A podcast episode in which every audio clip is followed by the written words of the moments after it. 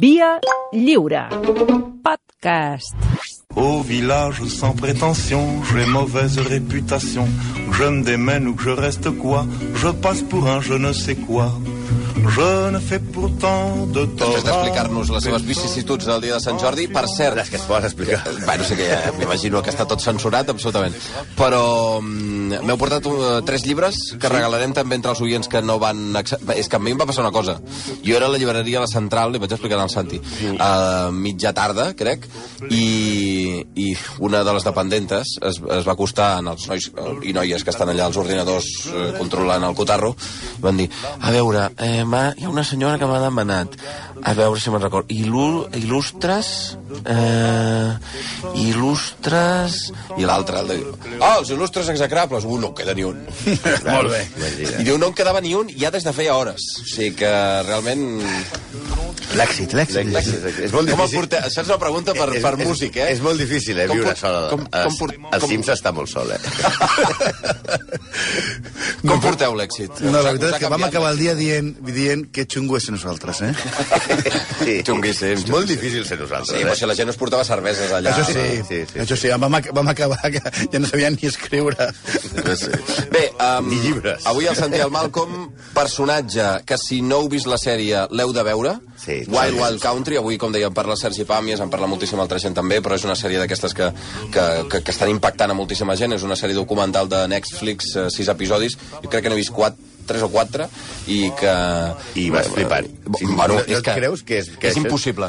Clar, perquè és que... El, La història. Pel personatge que parlem és que és un personatge gairebé increïble. O sigui, la Marvel, ara que està així de moda, Sí. això, vegades, el, el, la- el fotria fora de les seves pel·lícules per sobreactuat. O sigui, no podrien creure's un, un malvat que pogués arribar a fer el que fa, no? O sigui, estem parlant d'un home que és un líder de masses, no?, que sembla tot bondat i que, i que ho porta i que dius, hòstia, doncs fins i tot ha de ser divertit estar allà amb la titola fora pels puestos tota l'estona amb aquesta gent, però, però clar, el tio en veritat és un jete, un estafador, no?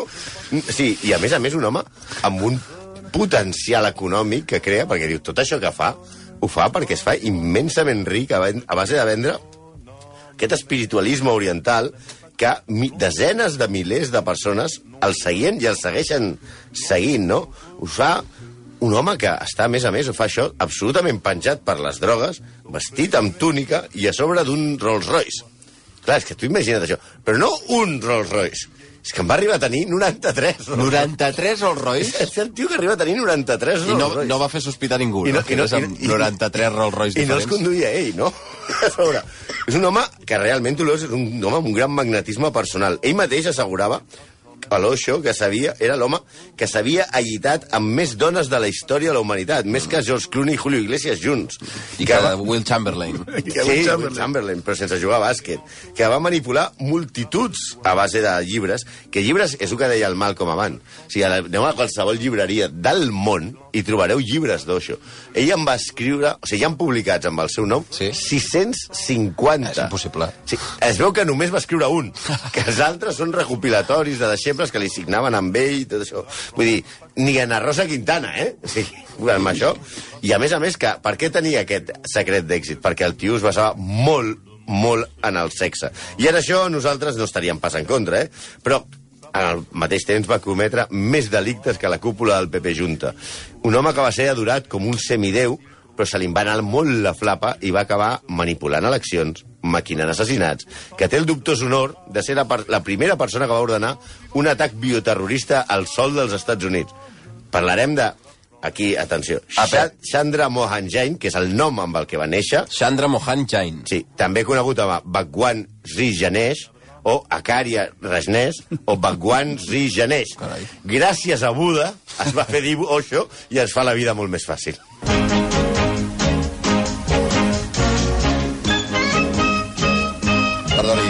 Aquesta sintonia ara... Que Sí, és que la tentació de la música era massa forta per És que nosaltres. ens han sortit acudits idiotes amb Osho. I, aquí, I això és una sèrie de, del Juràssic que, mm, que es deia Con ocho basta. Con Osho basta. Sí, que es No posava... m'estàs dient que la broma és Osho? Oixo, de sí. Ocho. Volia, van pensar en posar És- Pinocho. és- és de- oh, Pinocho, però és, no... de- és, és dels pitjors que he sentit en els 3 anys que porteu a aquest ràdio. Sí, Eh? és una sèrie dels 80, pels de l'ESO, els Hem 80 era... tingut els nassos de posar-ho com a banda sonora. Exacte. Con Osho basta. Molt bé, molt bé. Però hem passat coses pitjors, eh? No pel per Ja, ja, vull, vull aclarir que els 80 és aqu aquelles fotos dels teus pares que porten ombreres i cardats. sí, i tal. sí. Bueno, aleshores, als 80 aquest eh, era Otoe conegut a molts països, Osho. Eh, era conegut als Estats Units, a la Índia, a Holanda o també a Anglaterra. Sí, aquí a Espanya no, no va ser massa, massa conegut. És una mica el que parlàvem abans. De com una Però hi haurà història- seguidors de, Hi ha, hi ha, de Osho, no, no, no, hi, havia, hi ha un centre Osho a, a, a Barcelona, fins i tot, eh? Com a molts... Però no hi ha Osho centres, no? no. És que no podria... No, podríem el dia d'avui serà terrible.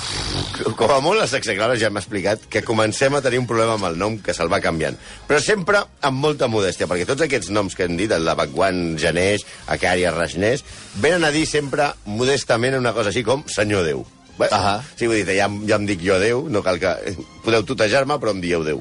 Va néixer a l'Índia, on després de criar-se amb els seus avis, fins als 13 anys, fent el que li donava la gana, tenint una infància bastant eh, lliure, eh, era un nano molt intel·ligent, es converteix en professor de filosofia. I es fa molt famós perquè a les seves classes critica la majoria de religions. Ell agafa el- el- l'islamisme, el cristianisme, el budisme, i comença a rajar de totes, perquè considera que són molt, molt, molt tancades en el tema del sexe Mhm. i, i, i agafa les, el very best of i comença a, a rajar. Fan. Frankenstein. I, sobretot, és un tio molt ocurrent i que raja, un gran rajador, com Clar, nosaltres. és un bon insultador. És un bon insultador. I comença a la Índia i guanya la seva popularitat perquè comença a cagar-se en Gandhi. Ui! A la Índia. Clar, llavors crida l'atenció. una Clar, mica. una mica. Sí, és una mena de Jiménez Los Santos amb barba. De seguida, es fa molt famós. Ai, que acabo d'imaginar-me una cosa molt lletja. Cert, que, que ara, ara, ara anem amb això, que, que és que veig que la gent ja està retuitejant. Eh, hem, hem penjat un missatge tant a Twitter com a Facebook per regalar llibres dels il·lustres execrables. En tenim tres. Si feu retweet follow a Twitter o feu un like i un comentari al Facebook, us podeu endur d'aquests uh, il·lustres, més il·lustres execrables. Digues, digues. No, que de seguida el, eh, Osho es fa molt famós com a polemista i conferenciant i abandona la universitat per començar a muntar una mena de centres de colònies on la gent rica de la Índia i del món occidental van a escoltar una mena de mitges veritats, frases ingenioses i acudits per part d'uns tipus amb gran carisma. Ja el qualifiquen alguns com el mentider més seductor que havia donat la Índia o que, obro cometes, escoltar-lo era com veure la teva roba donant voltes a la rentadora. Això no sé quin efecte dona, no ho he fet mai. I per què tenia tant d'èxit aquest tio? Per què? Per què? Doncs perquè els que hi anaven s'afartaven a follar. Clar, aquí és que amb això, ja. és a dir, tu pots anar a una conferència, tu... Quantes vegades tu has anat a una conferència i has dit, vaya cunyats, però si després hi ha un polvo... dius, Bueno, "Ja". vinga, De va, seguida, a Osho se'l coneix, a, clar. a la Índia, a la premsa de l'Índia, el, el, el, li posen el nom, que és el que el va acompanyar tota la seva vida i que encara se'l coneix com el gurú del sexe. Entre els seus preceptes hi ha l'amor lliure. I qualsevol concentració acabava, pues, això, amb gent despullada pels puestos tocant-se, no? Com que això, evidentment, al carrer quedava malament de fer-ho, va muntar el que deia el mal com aquestes cases de colònies que ell anomena asrams. Ashram. Que és una mena d'això, cases de colònies, com allò que hi ha planoles, també conegudes com a Meditation Center. Allà la gent, a canvi d'una pasta, abandonava totes les seves possessions per meditar i, al tanto també, treballar gratis pel grup. Mm. Sí, és, és bastant difícil resumir la seva filosofia, però us farem 5 cèntims. D'entrada, per entrar a l'ESRAM i convertir-te en un Sant Jacint, un llicenciat, et demanaven quatre coses. A veure. Que et vestegi de taronja, que això la secta no sé tenir una predilecció pel, pel taronja, no, això no, no té I- missatge per subliminal. ningú, I no va per ningú, eh? eh, meditar eh, diàriament, portar un rosari de fusta amb la foto d'Osho, Ah. i aquesta és la part eh, més eh, important, fer donació de tots el te els teus béns al gurú. I la gent ho feia, tu. Sí, no és d'estranyar. El sistema de meditació que va, eh, més famós que va patentar és el que es diu meditació dinàmica. Mm. Consistia en cinc fases. A veure, A veure. a veure si, la, si les podeu fer a casa mentre us No, vaig no, res, res. No? Res, deixa, A veure, deixa. són eh, 10 minuts d'hiperventilació. Respirar molt fort per nas, durant 10 minuts. Aquesta sí la podem fer, aquesta sí. Però a veure si aquí amb, amb això ja et mareges. Igual hi ha, hi ha gent que ja cau a terra. 10 minuts de catarsi en el que podies fer el que volguessis. Entraves com allò, la nena de l'exorcista. Cridar, saltar, estomacar el del costat, eh, tenir convulsions, el que vulguis. Després, als 10 minuts, comences a saltar 10 minuts més amb els braços estesos al costat, així com amunt, mentre vas cridant uh, uh, uh, com els escalfaments aquells del Martino abans de començar amb el Barça. Més o menys. Pues igual que Martino i Paulo Rosso i Pautasso No veient clar, això, eh? podien Però ser d'això.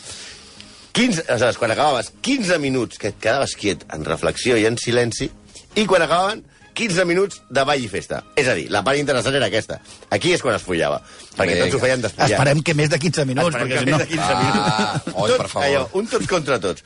I un cop relaxadets, apa, tots ha treballat per la comunitat, gratis, a fer collarets, samarretes, bicicletes o a netejar, que això de desram no es paga sol, eh, nens? Vinga, a produir. Sí, el, el, el problema és que a la fase de catarsi recomanaven que es practiqués la violència i la gent sortia amb els ulls de vellut o, com li va passar al periodista Richard Price, que no és el, el guionista del Color del Dinero, amb un braç trencat. Es veu que recomanaven anar amb pals de fusta a les meditacions. Hi havia molta violència. Van recomanar que no jugués a ser violent, sinó que fos violent. Aquells min 10 minuts de catarsis eren d'hostiar-se a saco. I, I, clar, veient que la cosa passava de tacar d'oli, a l'any 79 van treure la violència dels preceptes perquè explicaven que, obro cometes, ja havia complert la seva funció en el context de la comuna.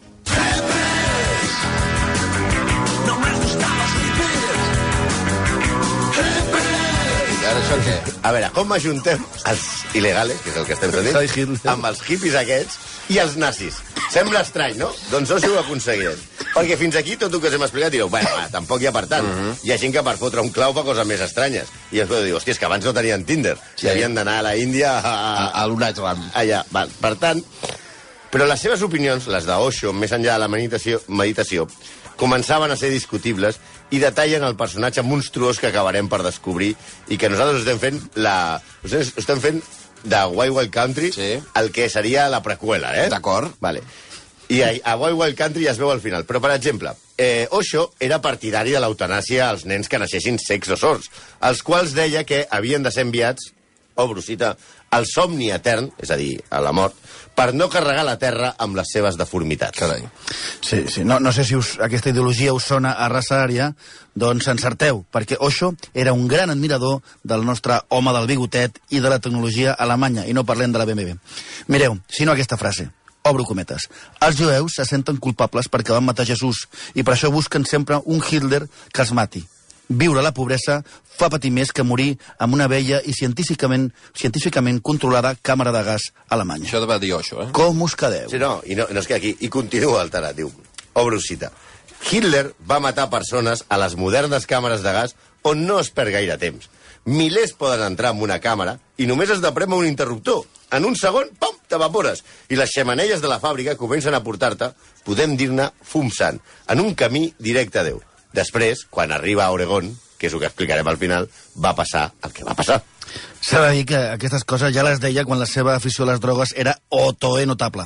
Estem parlant d'un tipus que era addicte a l'òxid nitrós, el gas de riure que feien servir els dentistes, i que per compensar es fotia 60 mil·lígrams de diazepam al dia. Pels de l'ESO, això és equivalent a molts porros. Molts, però molts, eh? Aquestes declaracions, sumades als escàndols de persones que, captades per Osho, eren reclamades pels seus familiars, allò, mama, mama soc d'Amsterdam, me'n vaig a la Índia dos mesos, mm -hmm. i no tornaven, i tu veies que la, el compte corrent acabava baixant i la gent començava a preocupar-se pels seus familiars i demanaven a l'ambaixada d'Holanda, a l'ambaixada d'Anglaterra, d'Itàlia, a la Índia. Clar, s'havien arruïnat. El govern indi, veient que això se li estava anant a les mans, li va començar a posar problemes. El van investigar i, oh, no es podia bé, sorpresa, van veure que defraudava l'Estat amb els seus increïbles guanys que tenia. I li van imposar una multa de 5 milions de dòlars, 5 milions de dòlars de l'any 80. Uf, a la Índia, perdona. A la Índia és una borrada. No. S'ha de dir que era, que era immensament ric. Per aquella època visitaven el seu centre a la Índia unes 30.000 persones l'any i rebia donacions de tot tipus. Tenia mecenes de l'estil de Kabir Bedi, no sé si en recordeu, el Sandokan de la nostra infantesa, que era la- l'actor en aquell moment més popular de la Índia. I feia ostentació de la seva riquesa i predicava el seu amor al capitalisme. Ell també deia que era el gurú del sexe i el gurú dels rics. Ah, Sí, era això. rotllo rapero, però lo bèstia. Eh, és quan comença a col·leccionar avions privats. També. En va tenir tres, sí, inclús un Boeing 4774 tipus Air Force One. I Rolls Royce, que ja ha dit el Santi, que havia, van arribar a tenir-ne 93. Un xapat d'or i un altre blindat. Els seus seguidors va començar una recapta per tal que en pogués tenir 365, mm. un per cada dia de l'any, perquè si no No ja... va arribar per això. No, va, no, es va acabar la cosa, es va acabar abans. I aquí és, per tots aquests que heu vist la sèrie, apareix en escena un personatge fonamental, fosc, terrible, eh, el, el, el, el Darth Vader de... Sí, diguem-ne, Osho és l'emperador i, el, i Sheila és la, el Darth Vader, no? Perquè Osho anava drogat fins a les tranques i no podia controlar un imperi com el que havia creat. i Sheila apareix. Sheila és la seva secretària, la seva mà dreta, i coneguda en l'ambientillo de, de les Rams com la reina. Mm. També va ser la seva amant, la seva assassina de confiança al servei de l'organització. I tenia una mala llet que feia por. Si veieu la, la sèrie, quan, Uh.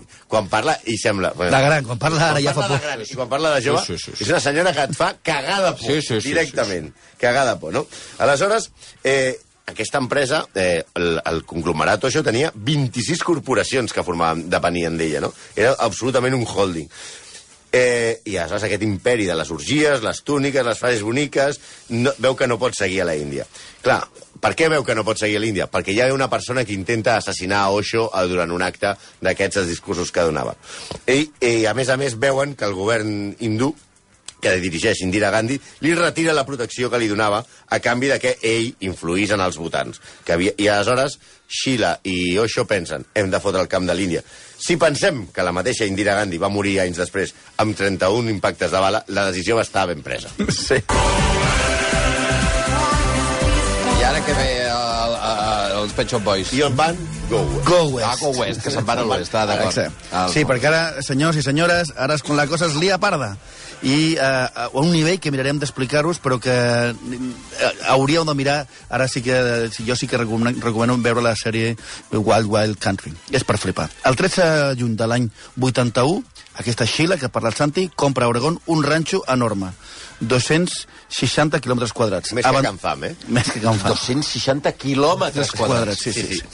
Una borrada. abandonat i sense cap atractiu, una mena d'emper de roques, etc. Una mena de desert que de fet s'anomena Big Muddy Ranch, el ranxo del fang, i paga, alerta, 5,75 milions de dòlars, que és 30 cops el seu preu de mercat. És com Està si bé. per un pis de 200.000 paga 600, eh, 6 milions.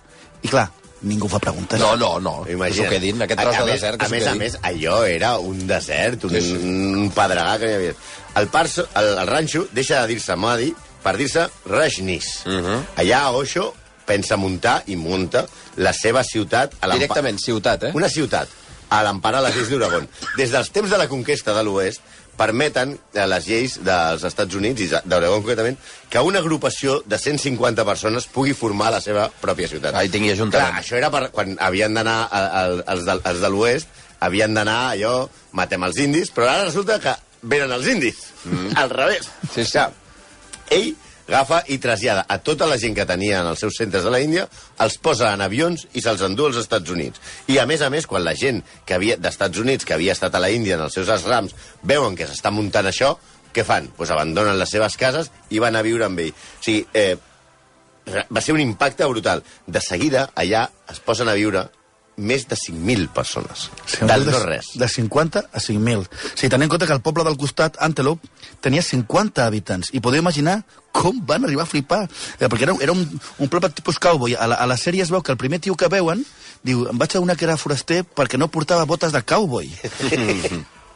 O sigui, imagina't. I clar, imagina't quan van arribar a veure al seu poble milers de tipus en túnica, amb les tetes i les tites a l'aire, practicant l'amor lliure i guiats per un, per un tarat amb barba que anava tot arreu amb un Rolls Royce. És que jo no m'ho puc imaginar. és és un com un foraster. en versió bèstia.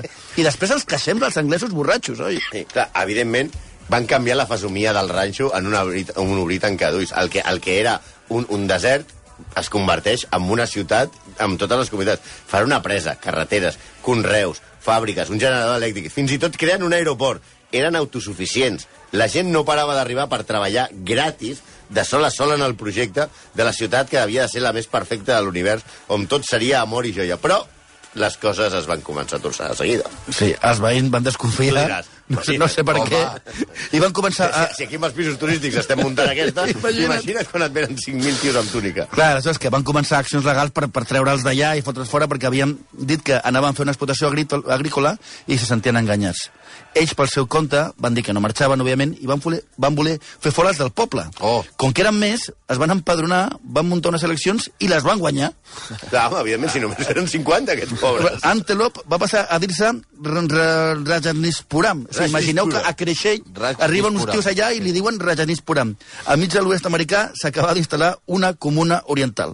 I clar, i va, escalar, la, eh, va, esclatar la guerra entre la Fiscalia i l'FBI per un costat i els taronges per l'altre. Sí, perquè tots aquests, com anaven de taronja, els hi deien the Reds o the Orange. Uh Mhm. -huh. A tot això, Osho, no s'enterava res, perquè vivia penjat de diazepans, amb una mansió que li havien construït en piscina, i era Sheila la que ho manegava tot.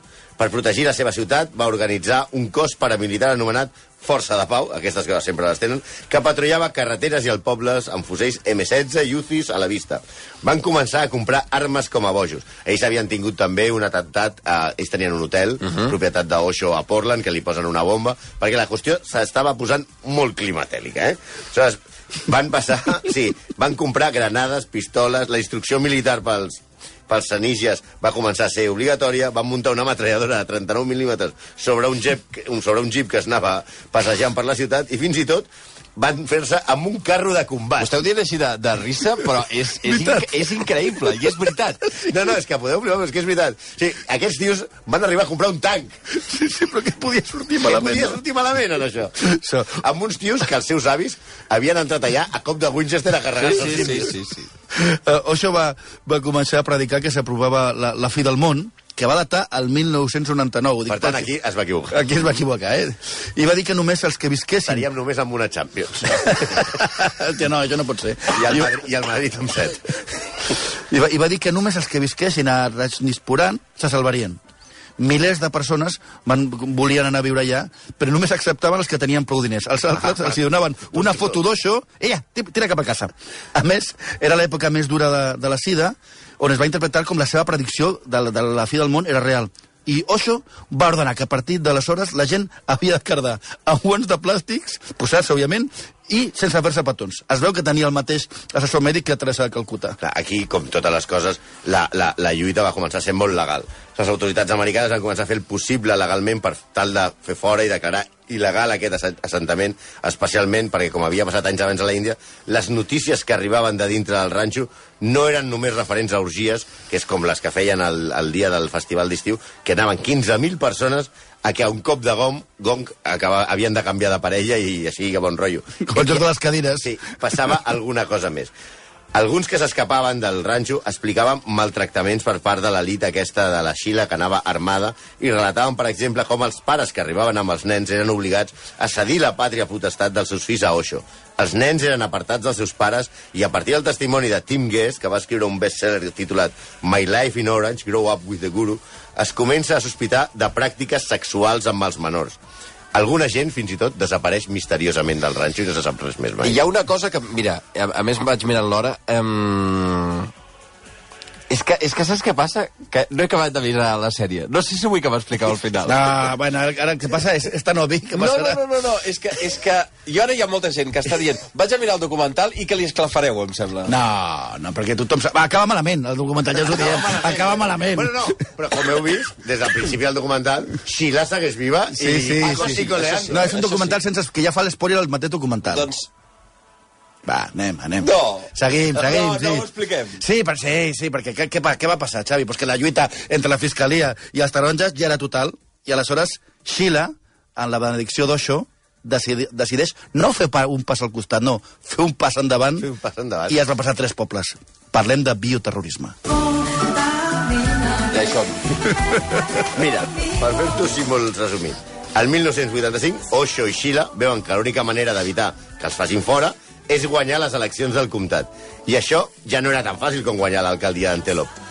Per tant, 50 persones que no havien vist un semàfor en sa vida eren, difícils, eren fàcils de manipular. Però anar a conquerir la, la, el, el Parlament, diguem, del comtat era complicat. Per això comencen a portar gent de fora del poble, indigents, eh, els quals eh, porten a, a Rajneeshpuram però perquè poguessin votar al seu favor i guanyar les eleccions. Però la comissió electoral del, del, del comtat els hi denega el vot. No estava clar que amb els que eren poguessin guanyar les eleccions. Estaven amb la gent d'Oregon absolutament en contra seu, que s'ha de dir. Aleshores, el raonament va ser clar. Si nosaltres no podem votar, ells tampoc. I com ho volien aconseguir, doncs, enverinant els electors el dia de la votació. Van cultivar al ranxo un brot de salmonella que el dia abans de les eleccions es van dedicar a vessar a la salsa de les amanides dels 10 restaurants de la ciutat de Dulas, la més important de la zona. 751 persones, una persones van ser afectades pel virus i 41, entre ells nadons i gent gran, va, des, va, va haver de ser hospitalitzada d'urgència. Es considera el primer atac bioterrorista en sol americà. Sí, no vindran a votar perquè estaran cagant-se a sobre. Oh, i tant. Com que l'FBI ja havia posat micros al ranxo i la gent els espiava, es va poder comprovar que a Osho li va reconèixer a Xile que, obro cometes, si hi ha necessitat de matar persones per enfortir la dèbil determinació dels senilles, els matarem. I no només parlaven de la salmonela, tenien un pla per assassinar el primer el fiscal del districte i després el fiscal general d'Oregon. Tot bé. Sembla ficció, sembla No, que no, és una però conya. és- Però és, o sigui, pels de l'ESO, ficció és que no és veritat, eh? Però ho és, és veritat. Sí, van ordir un pla per utilitzar els nens com a escuts humans si la Guàrdia Nacional entrava per detenir a Osho al ranxo, però no va ser necessari. Dis- les distensions, les baralles entre els tarats no van arribar a esclatar. Sheila va intentar assassinar el metge que li proporcionava les drogues a Osho i també a la seva nova amant de confiança. No va sortir-li bé i va fugir del ranxo amb el que portava a sobre. Pues, una mica de calderilla, 48 milions de Tu dòlars. agafa, agafa el que tinguis, 48 milions de dòlars. home. Osho va fer una roda de premsa acutant, acusant de tot a Xile i dient que ell no tenia res a veure i que col·laboraria amb la justícia. Però el van acabar detenint en un aeròdrom de Carolina del Nord quan marxava cap a les Bermudes. També es ho busca malament. Sí. El van arrestar i finalment va pactar amb les autoritats una condemna per només dos dels 35 delictes que se li imputaven. El van deixar en llibertat condicional i li van prohibir tornar als Estats Units. Sí, va intentar muntar la paradeta a un altre país, però cap, cap país el va voler acollir. Primer van a la Índia, després al Nepal, i així fins a 21 països que li denegaven la residència, o com el Canadà no deixaven ni que aterrés el seu avió. S'ha de dir que Espanya és un dels països que li va negar la residència. Espanya va estar dos nits aterrat a l'aeroport de Badajoz, Ah, sí? rodejat per la Guàrdia La Civil. Guàrdia Civil. Boníssim. Sí. sí, sí, sí. Va morir el 19 de gener del 90 a la Índia, acusat acusant als Estats Units d'haver-lo enverinat amb tali mentre ell era a la presó. Va deixar, un, va deixar una epitàfia de- a la seva alçada que deia mai vaig néixer, mai vaig morir, només vaig visitar el planeta Però Terra. suposo que, suposo, suposo que voldreu saber què va passar amb el Sí. Ranxo, amb Sheila Sí. i amb la resta d'estrangers. Doncs pues mira, Sheila va ser arrestada. Quan va ser arrestada portava una Magnum 357, i no parlem d'un gelat, a sobre. Condemnada a 20 anys de presó.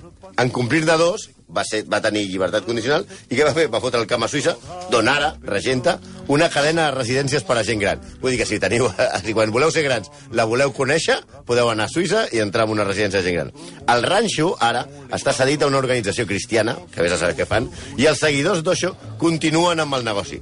Diuen que s'han reformat i ja no volen aniquilar ningú, i ara fan seminaris a grans empreses i als executius. I mantenen oberts 600 Osho Centers per tot el món. I ingressen entre 15 i 45 milions de lliures esterlines anual.